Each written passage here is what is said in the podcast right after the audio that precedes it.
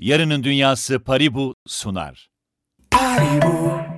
Efendim yarının gündemine hoş geldiniz. Her çarşamba akşamı olduğu gibi bu akşam da hep birlikteyiz ve çok önemli, çok keyifli bir konu işliyor olacağız beraber. Blok zincir çağında sanat, NFT'ler, yapay zeka ve yeni olasılıklar önemli bir konu olacak.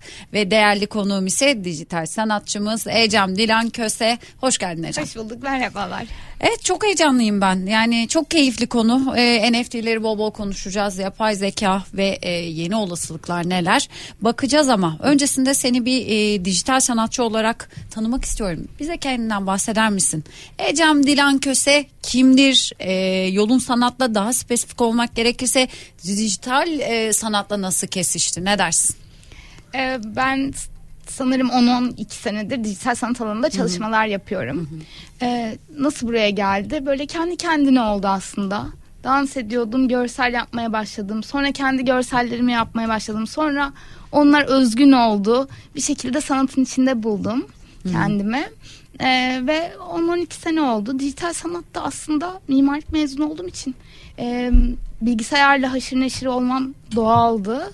Ee, artık öyle üretimler artık bilgisayar ortamında. Evet. O yüzden onu kullanmaya devam ettim ve sanatta da yeni zamanın getirisi olarak bilgisayarlar kullanılmaya başladı. Ben de onları kullanıyorum. Sanatta ilk e, tanışın kaç yaşında başladı? Ondan emin değilim ya. Sanat çünkü O bir kadar iletişim, yani aslında. bir çeşit iletişim ya. İnsan bir iletişim için bir araç arıyor. O yüzden küçükken böyle aradığım şeyleri de ben buna dahil etmek isterim. Herkesin aradığı bir şey o iletişim. Mimarlık isteği nereden geldi peki? Ee, mekansal algılama biçimini deneyimleme arzum vardı bir şekilde. Onu şu an anlıyorum. O zaman anlamıyordum tabii ki. Ama şu an anlıyorum. Bir şeyin mekansallığı üzerine e, kafa yoruyorum. E, bunu görüyorum mesela bazı küçük çocuklarda da görüyorum. Aa diyorum bu çocuktan çok güzel mimar olur falan. Onu Ee, çözebiliyoruz değil mi? Yani aslında adam olacak çocuk hani belli olur. İnsanların Buradan yatkınlıkları. Manço'yu da hatırlayalım. Ay pardon. İnsanların yatkınlıkları olabiliyor. E, onları şimdi şimdi görebiliyorum ama o zaman içindeyken tam göremiyordum. Evet. E, buraya gelmesi güzel ama.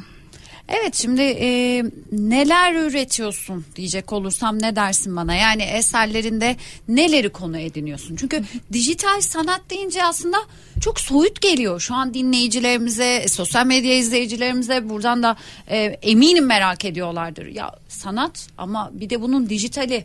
Her şey dijital artık yani çünkü dijitalleşme çağındayız. Çünkü dönüşüm çağındayız. Yani ismi ne dersen de bir şekilde o dönüşen çağdayız. Dolayısıyla hangi yapıları, hangi teknolojileri kullanıyorsun? Nedir bu durum? E, dijital sanatta teknolojinin sınırlarını zorlamak ve yeni teknolojileri deneyimlemek, e, onları onları farklı şekillerde farklı şeyler için kullanmak diye bir durum var. E, ama ben birazcık daha artık böyle kavramsal konuları işlediğim, e, bu teknolojileri daha böyle içsel ya da düşünsel şeyleri anlatmak için kullandığım bir pratiğe e, büründüm sanırım. Biraz daha zaman geçtikçe daha ağırlaştı konularım. Ee, insan olmak ne demek? Yaşamın özü ne demek? Ee, değişen dünyada olduğumuz insanlar nasıl insanlar? Bizler nasıl insanlarız? Neye doğru gidiyor? İnsanoğlu nereye gidiyor? Dünya nereye gidiyor? Ee, çevre ve teknoloji ilişkisi nasıl? Biraz bunların üzerine düşünüyorum, kafa yoruyorum ve bunları dert ediyorum sanırım. Ee, o derdin de sonucu olarak üretimler oluyor. Ee, ama dijital sanatçılar daha çok teknolojinin sınırlarını keşfeder. Ee, aklınıza gelecek her şey. Var mı Işık, sınırları e, teknolojinin? Ya şöyle tabii ki şimdilik var ve o sınırlara geldikçe e, gelişim başlıyor ya. Aslında oraları keşfetmek güzel. Daha biz böyle oralarla oynuyoruz. Sanatçılar cesur insanlar. Kesinlikle. Oralarda dolaşıyoruz Evet. ve oraların varlığını e, araştırmacılara gösteriyoruz aslında. Onlar da "Hmm, buralarda bir şeyler var. Biz buraya geliştirelim diyorlar. Evet şimdi e, burada yeni bir alan, e, yeni bir dünya, e, bambaşka görüşler ve bence bambaşka kafalar aynı zamanda. Yani şimdi e, sanat başlı başına zaten bir ruh Ama bunun yanına bir de dijitalleşme eklenince, dijital sanat eklenince çok daha farklı bir hale geliyor ve hangi yapıları ve teknolojileri kullanıyorsun dediğim noktada hangi teknolojiler senin e, çalışman, eserini neler oluşturuyor? Bunu spesifik olarak cevap vermem çok zor. Hı hı. Çünkü sürekli bir şeyler çıkıyor. Ama birincil olarak e, görsel üretimi benim için önemli. Hı hı. E, ve görüntü teknolojileri birinci sırada geliyor. E, ve bunu destekleyen ses teknolojileri. Hı hı. Görüntü teknolojileri dediğim şey ışık olabilir. E, bir görseli oluşturmak için gerekli bazı arayüzler olabilir. Bunlar e, verilerle işlenebilir e, üç boyutlu programlamalarla, modelleme programlarıyla işlenebilir. E, yapay zeka ile işlenebilir. E, çeşit çeşit teknolojiler aslında. O yüzden tam net bir şey söyleyemiyorum. Yapay zekayı da konuşacağım ayrıntılı bir şekilde seninle. Çünkü yakından ilgileniyorum şu sıralarda. Oldukça da merak ettiğim konular arasında da yer alıyor. Peki ee, şimdi aslında şunu e, sormak istiyorum. Yani evet bir kültürel boyutu var ama aynı zamanda e, biz işin ekonomi boyutuyla da ilgileniyoruz bunun. Sanat ve yaratıcı endüstriler birçok açıdan önem arz ediyor ve e, ilham ve mutluluk vermenin yanı sıra kültürler arasında da çok ciddi bir bağ ve köprüyü oluşturuyor. Dolayısıyla e, yakından ilgileniyoruz ama ancak bunun tabii ki de her şeyin olduğu gibi bir ekonomi boyutu da var. Ki biz bir ekonomi kanalıyız, ekonomi radyosuyuz. Dolayısıyla şunu sormak istiyorum. Yaratıcı endüstriler ve ekonomi arasında sence nasıl bir bağ var ve blok zincir teknolojisi özellikle akıllı kontratlar ve NFT'ler özellikle sence nasıl bu bağı şekillendiriyor? E, sanat zaten diğer iş e, kalemlerinde olduğu hmm. gibi bir sektör sanatçısı var, sanat severi var, koleksiyoneri var. E, bu işte çalışan, sergi kuran ekipler gerçek bir anlamda bir sektör. Hı hı. Ama onun dışında sanat eserleri aslına bakarsanız e, çok ciddi bir yatırım aracı. Çünkü koleksiyoner eserleri alıp sahiplenerek e, öncelikle sanatçıya yatırım yapıyor ve çünkü şunu biliyor bu sanatçı daha sonra çok iyi yerlere gelecek ve bu sanat eserinin değeri artacak. Hmm. E, o yüzden ciddi bir yatırım aracı. Onun dışında e, NFT'ler de sanatçıları aslında özgürleştiren, hı hı. E, kendilerini temsil edebilecekleri, kendi eserlerini koruyabilecekleri e, güzel bir sertifikalandırma Hı hı. gibi oldu. İşte NFT'lere nitelikli fikri tapu dendi. Hı hı. Türkçe karşılığı olarak bu NFT eşittir nitelikli, nitelikli fikri, fikri tapu. tapu. Çok, çok güzel bulunmuş. Ben benim çok hoşuma gitti. Ee, güzel bilgisayar kelimesi kadar güzel olmuş bence. Onu da severim. Ee, ve sanat eserlerinin korunması, e, el değiştirmesi, koleksiyonerin e, haklarının ve sanatçının haklarının korunması için mükemmel bir sertifikalama yöntemi oldu. Çünkü bu NFT'lerden önce özellikle dijital sanat eserlerinde şöyle bir problem vardı. Ee, sanat eseri el değiştirdiği zaman e, ikinci, üçüncü satışlarda da e, sanatçının aslında pay alması gerekiyor. Bu yoktu. Bunun takibi çok zordu. Onun dışında dijital sanat eserini korumak da çok zordu. Çoğaltma riski vardı. Hem koleksiyoner için hem sanatçının kendisi için bunu çoğaltmak e, mümkündü ve aslında farazi bir güven üzerine kuruluydu. Hı hı. Bunu ortadan kaldırdı. Daha sonra dünyaya açılmasını sağladı. Sanatçıların dünya ile buluşmasını sağladı. Çünkü koleksiyoner birebir de e, kendine yakın gördüğü sanatçıyı arar. Onu onun tadını ister. E şimdi zaten herkes özgün işler yapıyor ve koleksiyonerler de özgün tatlara sahip, özgün zevklere sahip insanlar oluyor. Kendisine yakın bir sanatçıyı e, küçük lokal bir yerde bulmaktansa global bir şekilde e, araması çok hoş, çok güzel. Kesinlikle yani e, burada birincisi aslında fikri mülkiyeti e, bir miktarda koruyabiliyor. Garanti evet. altına alıyorsun aslında yani ne olduğunu, senin eserinin gidişatını e, çok net şeffaf bir şekilde görebiliyorsun. E, bunun yanı sıra e, bir kez daha hatırlatalım. NFT ne demiştik? Nitelikli fikri tapu unutmayacağım bunu. Oldukça Çok keyifli. Güzel. Gerçekten literatüre ben... kazandırılan bence de önemli bir e, kelime diyebiliriz. Şimdi bir tarafta ise e, biraz da sanatın ekonomiyle olan ilişkisinden bahsedelim istersen. Birleşmiş Milletler tarafından yürütülen e, bir çalışma var ki o da yaratıcı ekonominin aynı zamanda hepimiz biliyoruz ki sürdürülebilir kalkınma için yaşamsal olduğunu ve e, ortaya koyuyor. Yaratıcı ve kültürel endüstri endüstrilerinde küresel ekonomiye katkısı konusunda da neler söylenmesi gerektiğini yakından takip ediyoruz. Sen ne dersin bir dijital sanatçı olarak? Şimdi e, birazdan yapay zeka hakkında da konuşacağız. Tabii. Bayağı böyle insanların insanların böyle kafasını karıştıran, sorgulamaya başlatan konular bunlar. Ee, makineleşme görüyoruz. Tarımda makineleşme, işte kültürel alanda da makineleşme var. Aslında bu yapay yapay zekaların getirdiği şeyler bunlar. Ee, ama yaratıcılık insana has, insana özgü, e, özgünlük insana özgü ve aslında tam bir kültür aktarımı üzerine çalışıyor. Ee, o yüzden bu asla yadırganamayacak ve büyük bir değere sahip bir şey. E, o yüzden şu anda e, dünya genelinde en e, kaybolması en zor endüstri yaratıcı endüstri. İşte bu cid- kült, özellikle kültüre, kültürle beraber ekonomiye ve insan yaşamına çok büyük büyük bir katkı sağlıyor. Bunun kıymeti var. Evet doğru aslında Ve çok çok önemli. evet, çok ekonomi de bu kıymete yatırım yaptığı sürece aslında birlikte gelişecek. Birlikte gelişmeye devam ediyor. Şimdi insanların mesela e, reklam reklam piyasalarını düşünün. E, aslında böyle, böyle birazcık e, yaratıcılıktan uzak ya da yaratıcılığın birazcık e, karanlık tarafı gibi gözükse de aslında e, yine aynı şey ve yine kültürle ilişkili. Doğru. E, bunlar böyle aslında birbirine bağlı bağlı zincir olarak ilerleyen e, konular.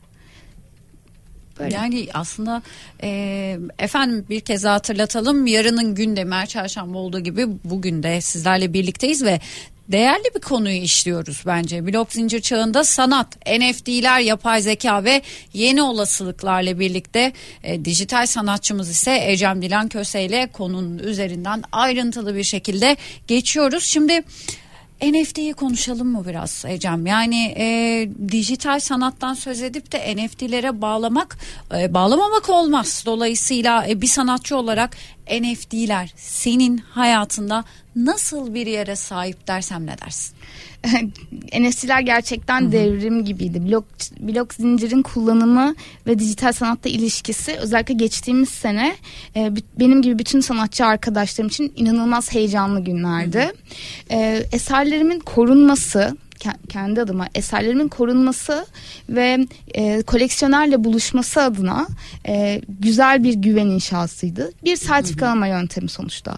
Ve bu sertifikalama yöntemi e, herkes tarafından görülebilir, e, açık olarak izlenebilir. E, kimseden sakladığınız bir ortam değil. İnternette e, anında cüzdanınız üzerinden NFT'nin sahip olduğu koleksiyoner ve sizin sahibiyetiniz üzerinden izlenebilir bir sistem sistem. E, bu değerli. E, bu şeffaflık da değerli. E, NFT'lerin e, insanlara birazcık daha koleksiyoner olma, bir bir projeye ya da bir sanat eserine yap, yatırım yapma alışkanlığını kazandırmak açısından da değerli olduğunu düşünüyorum. E, ilk etapta böyle biraz e, PFP projeleriyle e, bu profil fotoğrafları gibi böyle maymunlar diye geliyor. Bazı projelerle sanat eserleri birbirine çok karıştırıldı. Evet. Ee, ikisini bir tuttu insanlar. Bu çok yanlıştı. Aslında dijital sanat koca NFT dünyasının sadece yüzde üçünü oluşturmasına rağmen biraz böyle orada bir e, karmaşa oldu. Anlam karmaşası oldu. Onu da bir e, açıklamak isterim. Hı hı, E, tabii. sanat eserleri hala sanat eserleri ve bu e, çoklu projeler, genetik projeler e, aslında projelere yatırım yaptığınız projeler, e, NFT'ler E, ve NFT alanındaki dijital sanat koleksiyonerleri sanatçıya yatırım yapıyor ve sanatçının gelişimini takip ediyor. O zaman kendi elinde bulundurduğu sanat eserinin değerini takip etmiş oluyor. Diğer tarafta ise e, projeciler e, daha böyle çoklu 10 bin üzerinde e, imajlar üzerinden NFT'ler kurguluyorlar E, ve onlar proje ve projenin geleceği üzerine yatırım yapıyorlar. Bu ikisi arasında fark var.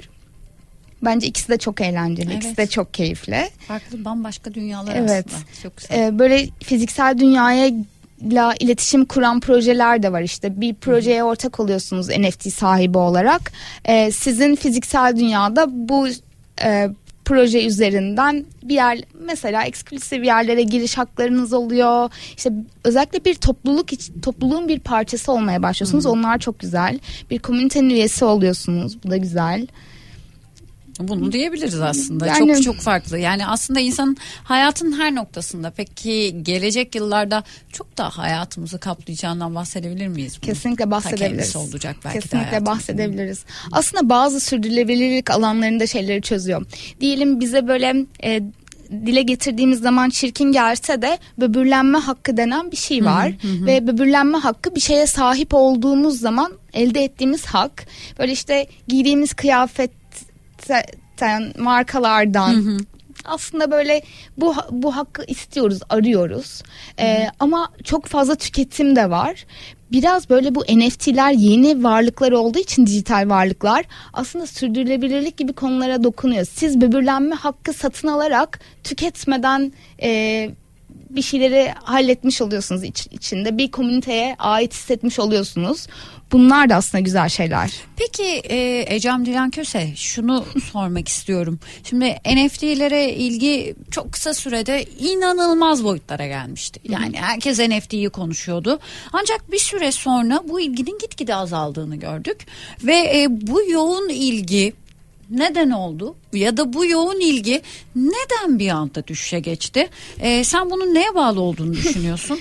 Özellikle. NFT'yi e, dedik gelecekte e, mesela NFT'lerin geleceğinde e, tamamen hayatımıza hükmedecek durumda mı? E, Sence geleceğinde ne var NFT'lerin? Bunu da sormak istiyorum ve örneğin işte mesela e, dinamik NFT'ler hakkında ne düşünüyorsun? Ee, öncelikle bu hızlı yükseliş ve sonra düşüşün e, başlıca nedeni aslında piyasalar coin coinlerin hareketleriyle ilgili.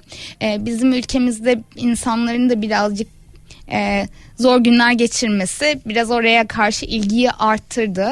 Türkiye dördüncü sıradaymış sanırım coinleri takip edilme evet, konusunda. evet çok e, hakikaten e, bu anlamda çok ciddi Evet. bir ilgi var. Şimdi de e, aslında bir yere gelmeye başladı böyle. Kimler burada, kimler değil. E, kimler bu bu alanda sanat eseri ya da proje üretmeye devam ediyor ve kimler etmiyor. E, önemli tarafı da bu aslında. Bu iyice dengeye gelecek. Bazen yükselecek, bazen düşecek e, ve dengeye gelecek. Bu zararlı değil hatta faydalı bu alan için yeni oluşan bir e, meta bir dünya için çok faydalı. Böyle olması çok güzel. E, birazcık daha durması. Sonuçta bu da bir sektör. Bir çeşit alan. Sektör, Sektör. demeyeyim de medium gibi e, bir alan.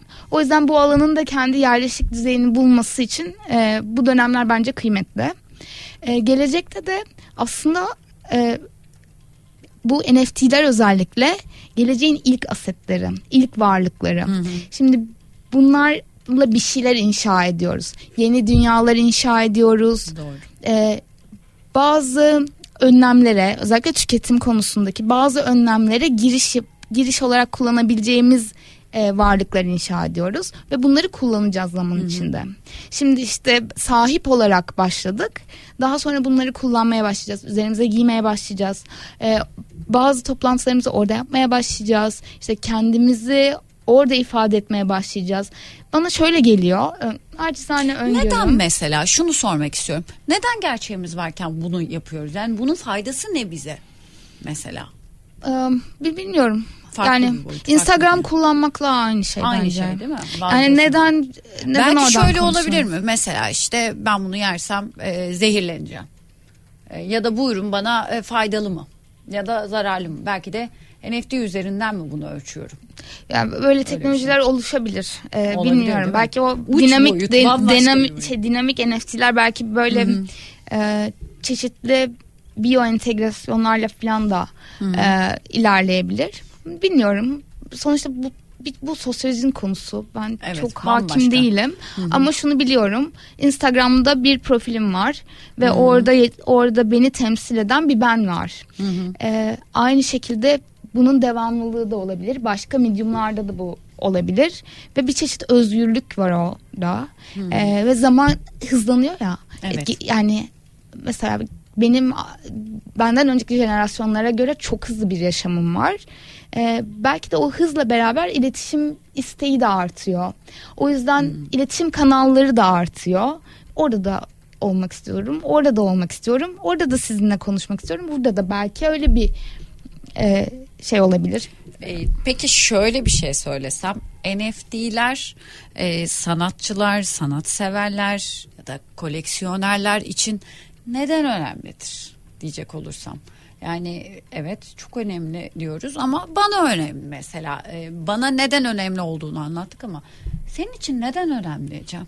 Benim benim için eserimin korunması, saklanması, koleksiyonerime düzgün bir şekilde teslim edilmesi için önemli. Bu ciddi bir mesele. Hı hı. E, kopyalanmaması. Bir edisyonsa bir edisyon var. Hı hı. E, ve fiziksel dünyada karşılığı yok. E, ya da fiziksel dünyada karşılığı varsa da mesela şöyle şeyler yaşıyorum ve buna önem veriyorum. E, bir koleksiyonerim benden eser alıyor. Fiziksel dünyada aldı bu eseri.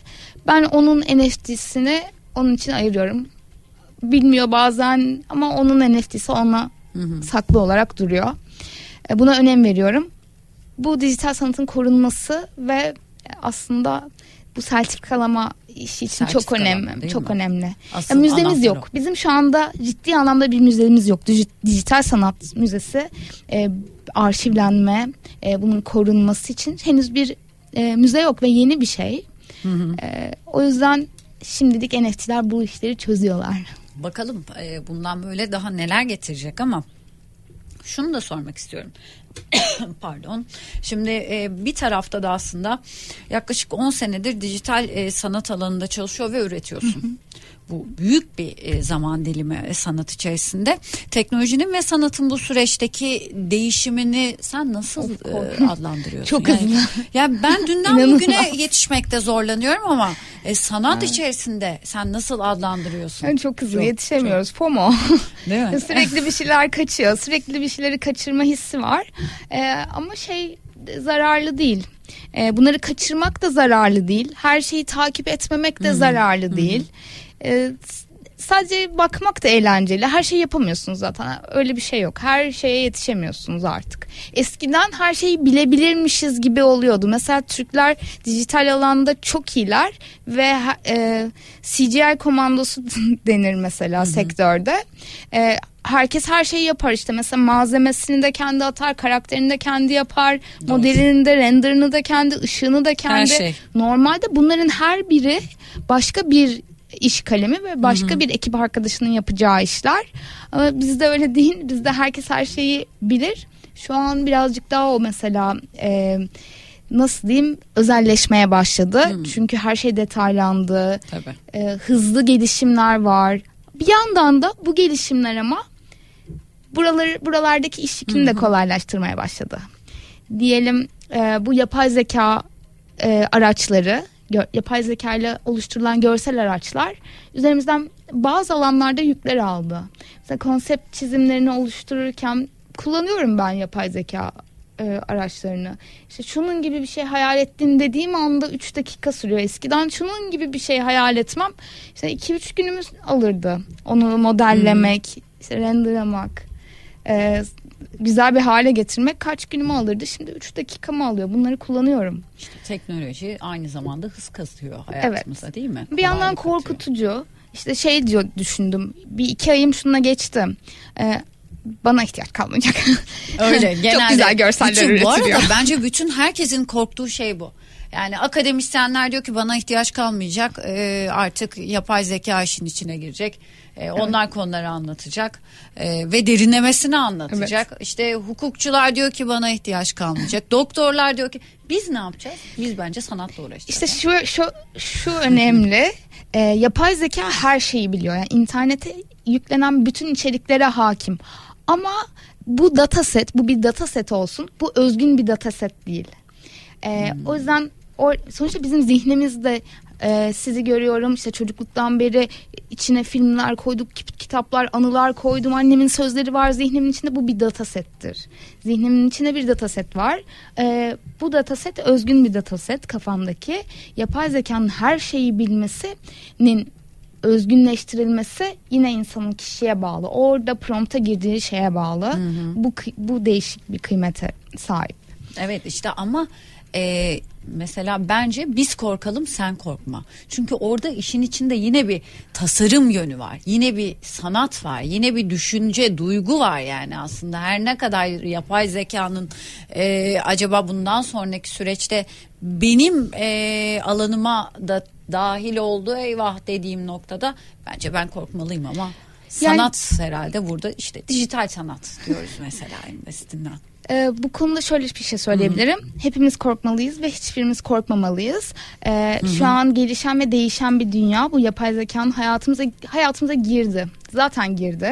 Ee, biz çoğunlukla fark etmiyoruz ama burada e, ve girmeye devam edecek. Burada bize bütün hepimize, e, bütün alandaki herkese düşen görev bunun etik etiğinin oluşturulması.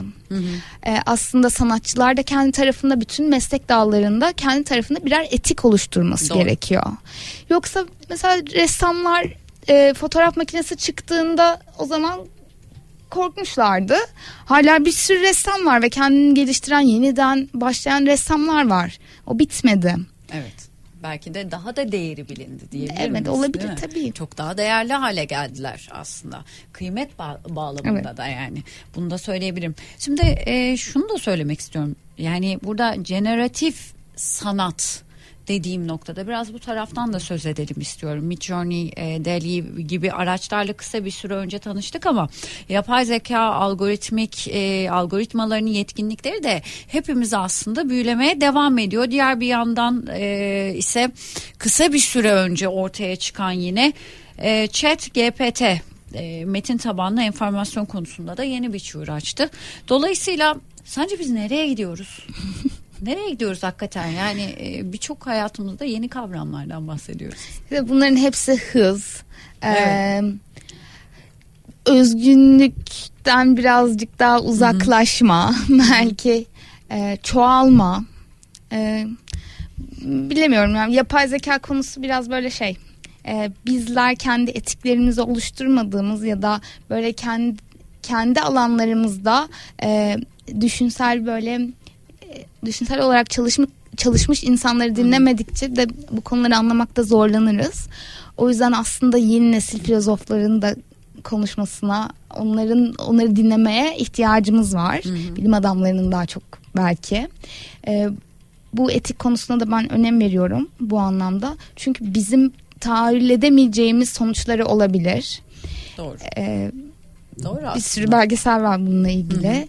Yapay zekanın bizim yüzümüzden e, bazı tanıma sistemleriyle bizim adımıza karar verebileceği senaryolar var. Buralar biraz tehlikeli. E, sanatın dışında toplumsal tehlikelere sahip. E, ama bir yandan da getirdiği çok Evet. tatlı şeyler var. Şimdi e, şuna da hemen geçmek istiyorum. Senin ufkunu ne açıyor? Kimleri hangi çalışmaları takip ediyorsun? En önemli şeylerden bu tanesi. E, bu e, seni meraklandıran son dönemlerde heyecanlandıran neler var? E, senin için sırada neler var? Neyi araştırmak için? Ne üzerine çalışıyorsun? Ne dersin? Ben garip bir şekilde şu an e, daha organik malzemeler üzerine çalışıyorum. E, biraz yine dijital dijital teknolojileri kullanarak, dijital araçlarla üretim yaparak organik malzemeleri nasıl şekillendirebilirim? Pamuk gibi bir malzemeyle mesela çalışıyorum. Bunu nasıl fiziksel hale getirebilirim gibi bir şeye yöneldim. Kendi hayatımın biraz farklılık arayışım olsun diye. Onun dışında performanslarıma biraz kostüm eklemeye başladım. Öyle? Böyle arayışlarım var. Biraz böyle şeyleri düşünüyorum. Ee, farklı farklı disiplinleri bir arada nasıl kullanabilirim? Bir gün çünkü onların hepsinin birleşeceğini biliyorum. Ee, biraz daha böyle daha önce denemediğim alanları denemek ve oynamak sürecindeyim. Şimdi e, şunu da sormak istiyorum sana. E, özellikle bu sohbetinden faydalanıyoruz da seni e, bu sohbetini dinleyerek ya da e, senden ve ne yaptıklarından yani bu anlattığın ne yaptığını anlatıyorsun ve bize bu yaptıklarından ilham e, alarak dijital sanatla ilgilenenlere ya da e, bu sohbetten esinlenip başlayacak olanlara mesela mutlaka vardır. Ne önerirsin? YouTube'da Ee, çok ne okusunlar mesela Ee, ne izlesinler Ee, neleri ve kimleri takip etsinler yani şunu sormak kısacası nereden başlayalım biz Bence YouTube'da çok vakit geçirmek lazım. Öyle mi? Öncelikle her şey- ben her şeyi bildiğim her şeyi oradan öğrendim. Ee, onun dışında e, bunu herkese öneririm. Rolla May'in Yaratma Cesareti diye bir kitabı var. Ee, insana iyi geliyor. Özellikle üretim yapan insanlara iyi geliyor. Ee, biraz cesaret veriyor gerçekten. Ve e, Sanatçının Yolu diye bir kitap öne- önerebilirim. O da güzel. E, ve sanatçı olmak yolu. için değil yani. Bunu herkese Sanatla başlayanlara da mı? Yani aslında yeni yani dijital sanat değil de Değil. sanata başlayanlara da değil. Herkese. Herkese. Sanata başlamasına da gerek yok. Çünkü böyle insan e, severek yaptığı zaman bir şey sanat gibi oluyor ya. E, asıl severek yapmaya yönlendirmek, ona doğru e, şöyle işaret etmek Nasıl isterim. keşfedeceğiz sevip sevmediğimizi? O işte şey e, flow of state deniyor ona. Bir konsantrasyon içine giriyorsunuz. O zaman böyle zaman başka akıyor. Orada olmak zaten istiyorsunuz. Onu bulmak. Annem biber doğuruyor mesela. Çok güzel ince ince biber doğuruyor ve öyle bir konsantrasyonu var. O da bir sanat. O da bir sanat değil mi? Bence öyle bir şey yani. O tam onun o konsantrasyonun içinde olmak lazım. Cesaret etmek lazım onun içinde durmaya. Hmm, Bir de diyebiliriz. paniksiz olmak lazım sanırım. Endişesiz, rahat rahat, paniksiz. endişesiz. Yani böyle relax bir ortam. Sanat denilince genelde öyle olur. Bu arada benim ablamda da bir sanat ruhu vardır. O da iç mimardır. Genelde sizin mimarlar, iç mimarlar böyle biraz daha sanatla iç içe ve hakikaten bir sanatçı ruhunuz oluyor. Biz sayısalcılar birazcık daha böyle sanki e, parayla işte e, yani sayılarla haşır neşir olmaktan daha çok hoşlanırız. Ecem Dilan Köse çok teşekkür ediyorum. E, sohbetin için değerli görüşlerini paylaştığınız için diyelim dijital sanatçımız Ecem Dilan Köse ile birlikte yarının gündeminde blok zincir çağında sanat NFT'leri konuştuk efendim. Yapay zekalar ve yeni olasılıklar bugünkü konuğumuzdu, konumuzdu diyelim. Çok çok teşekkür ediyorum Ecem. Ben teşekkür ederim. Görüşmek üzere haftaya hoşçakalın. Yarının Dünyası Paribu sundu. Paribu,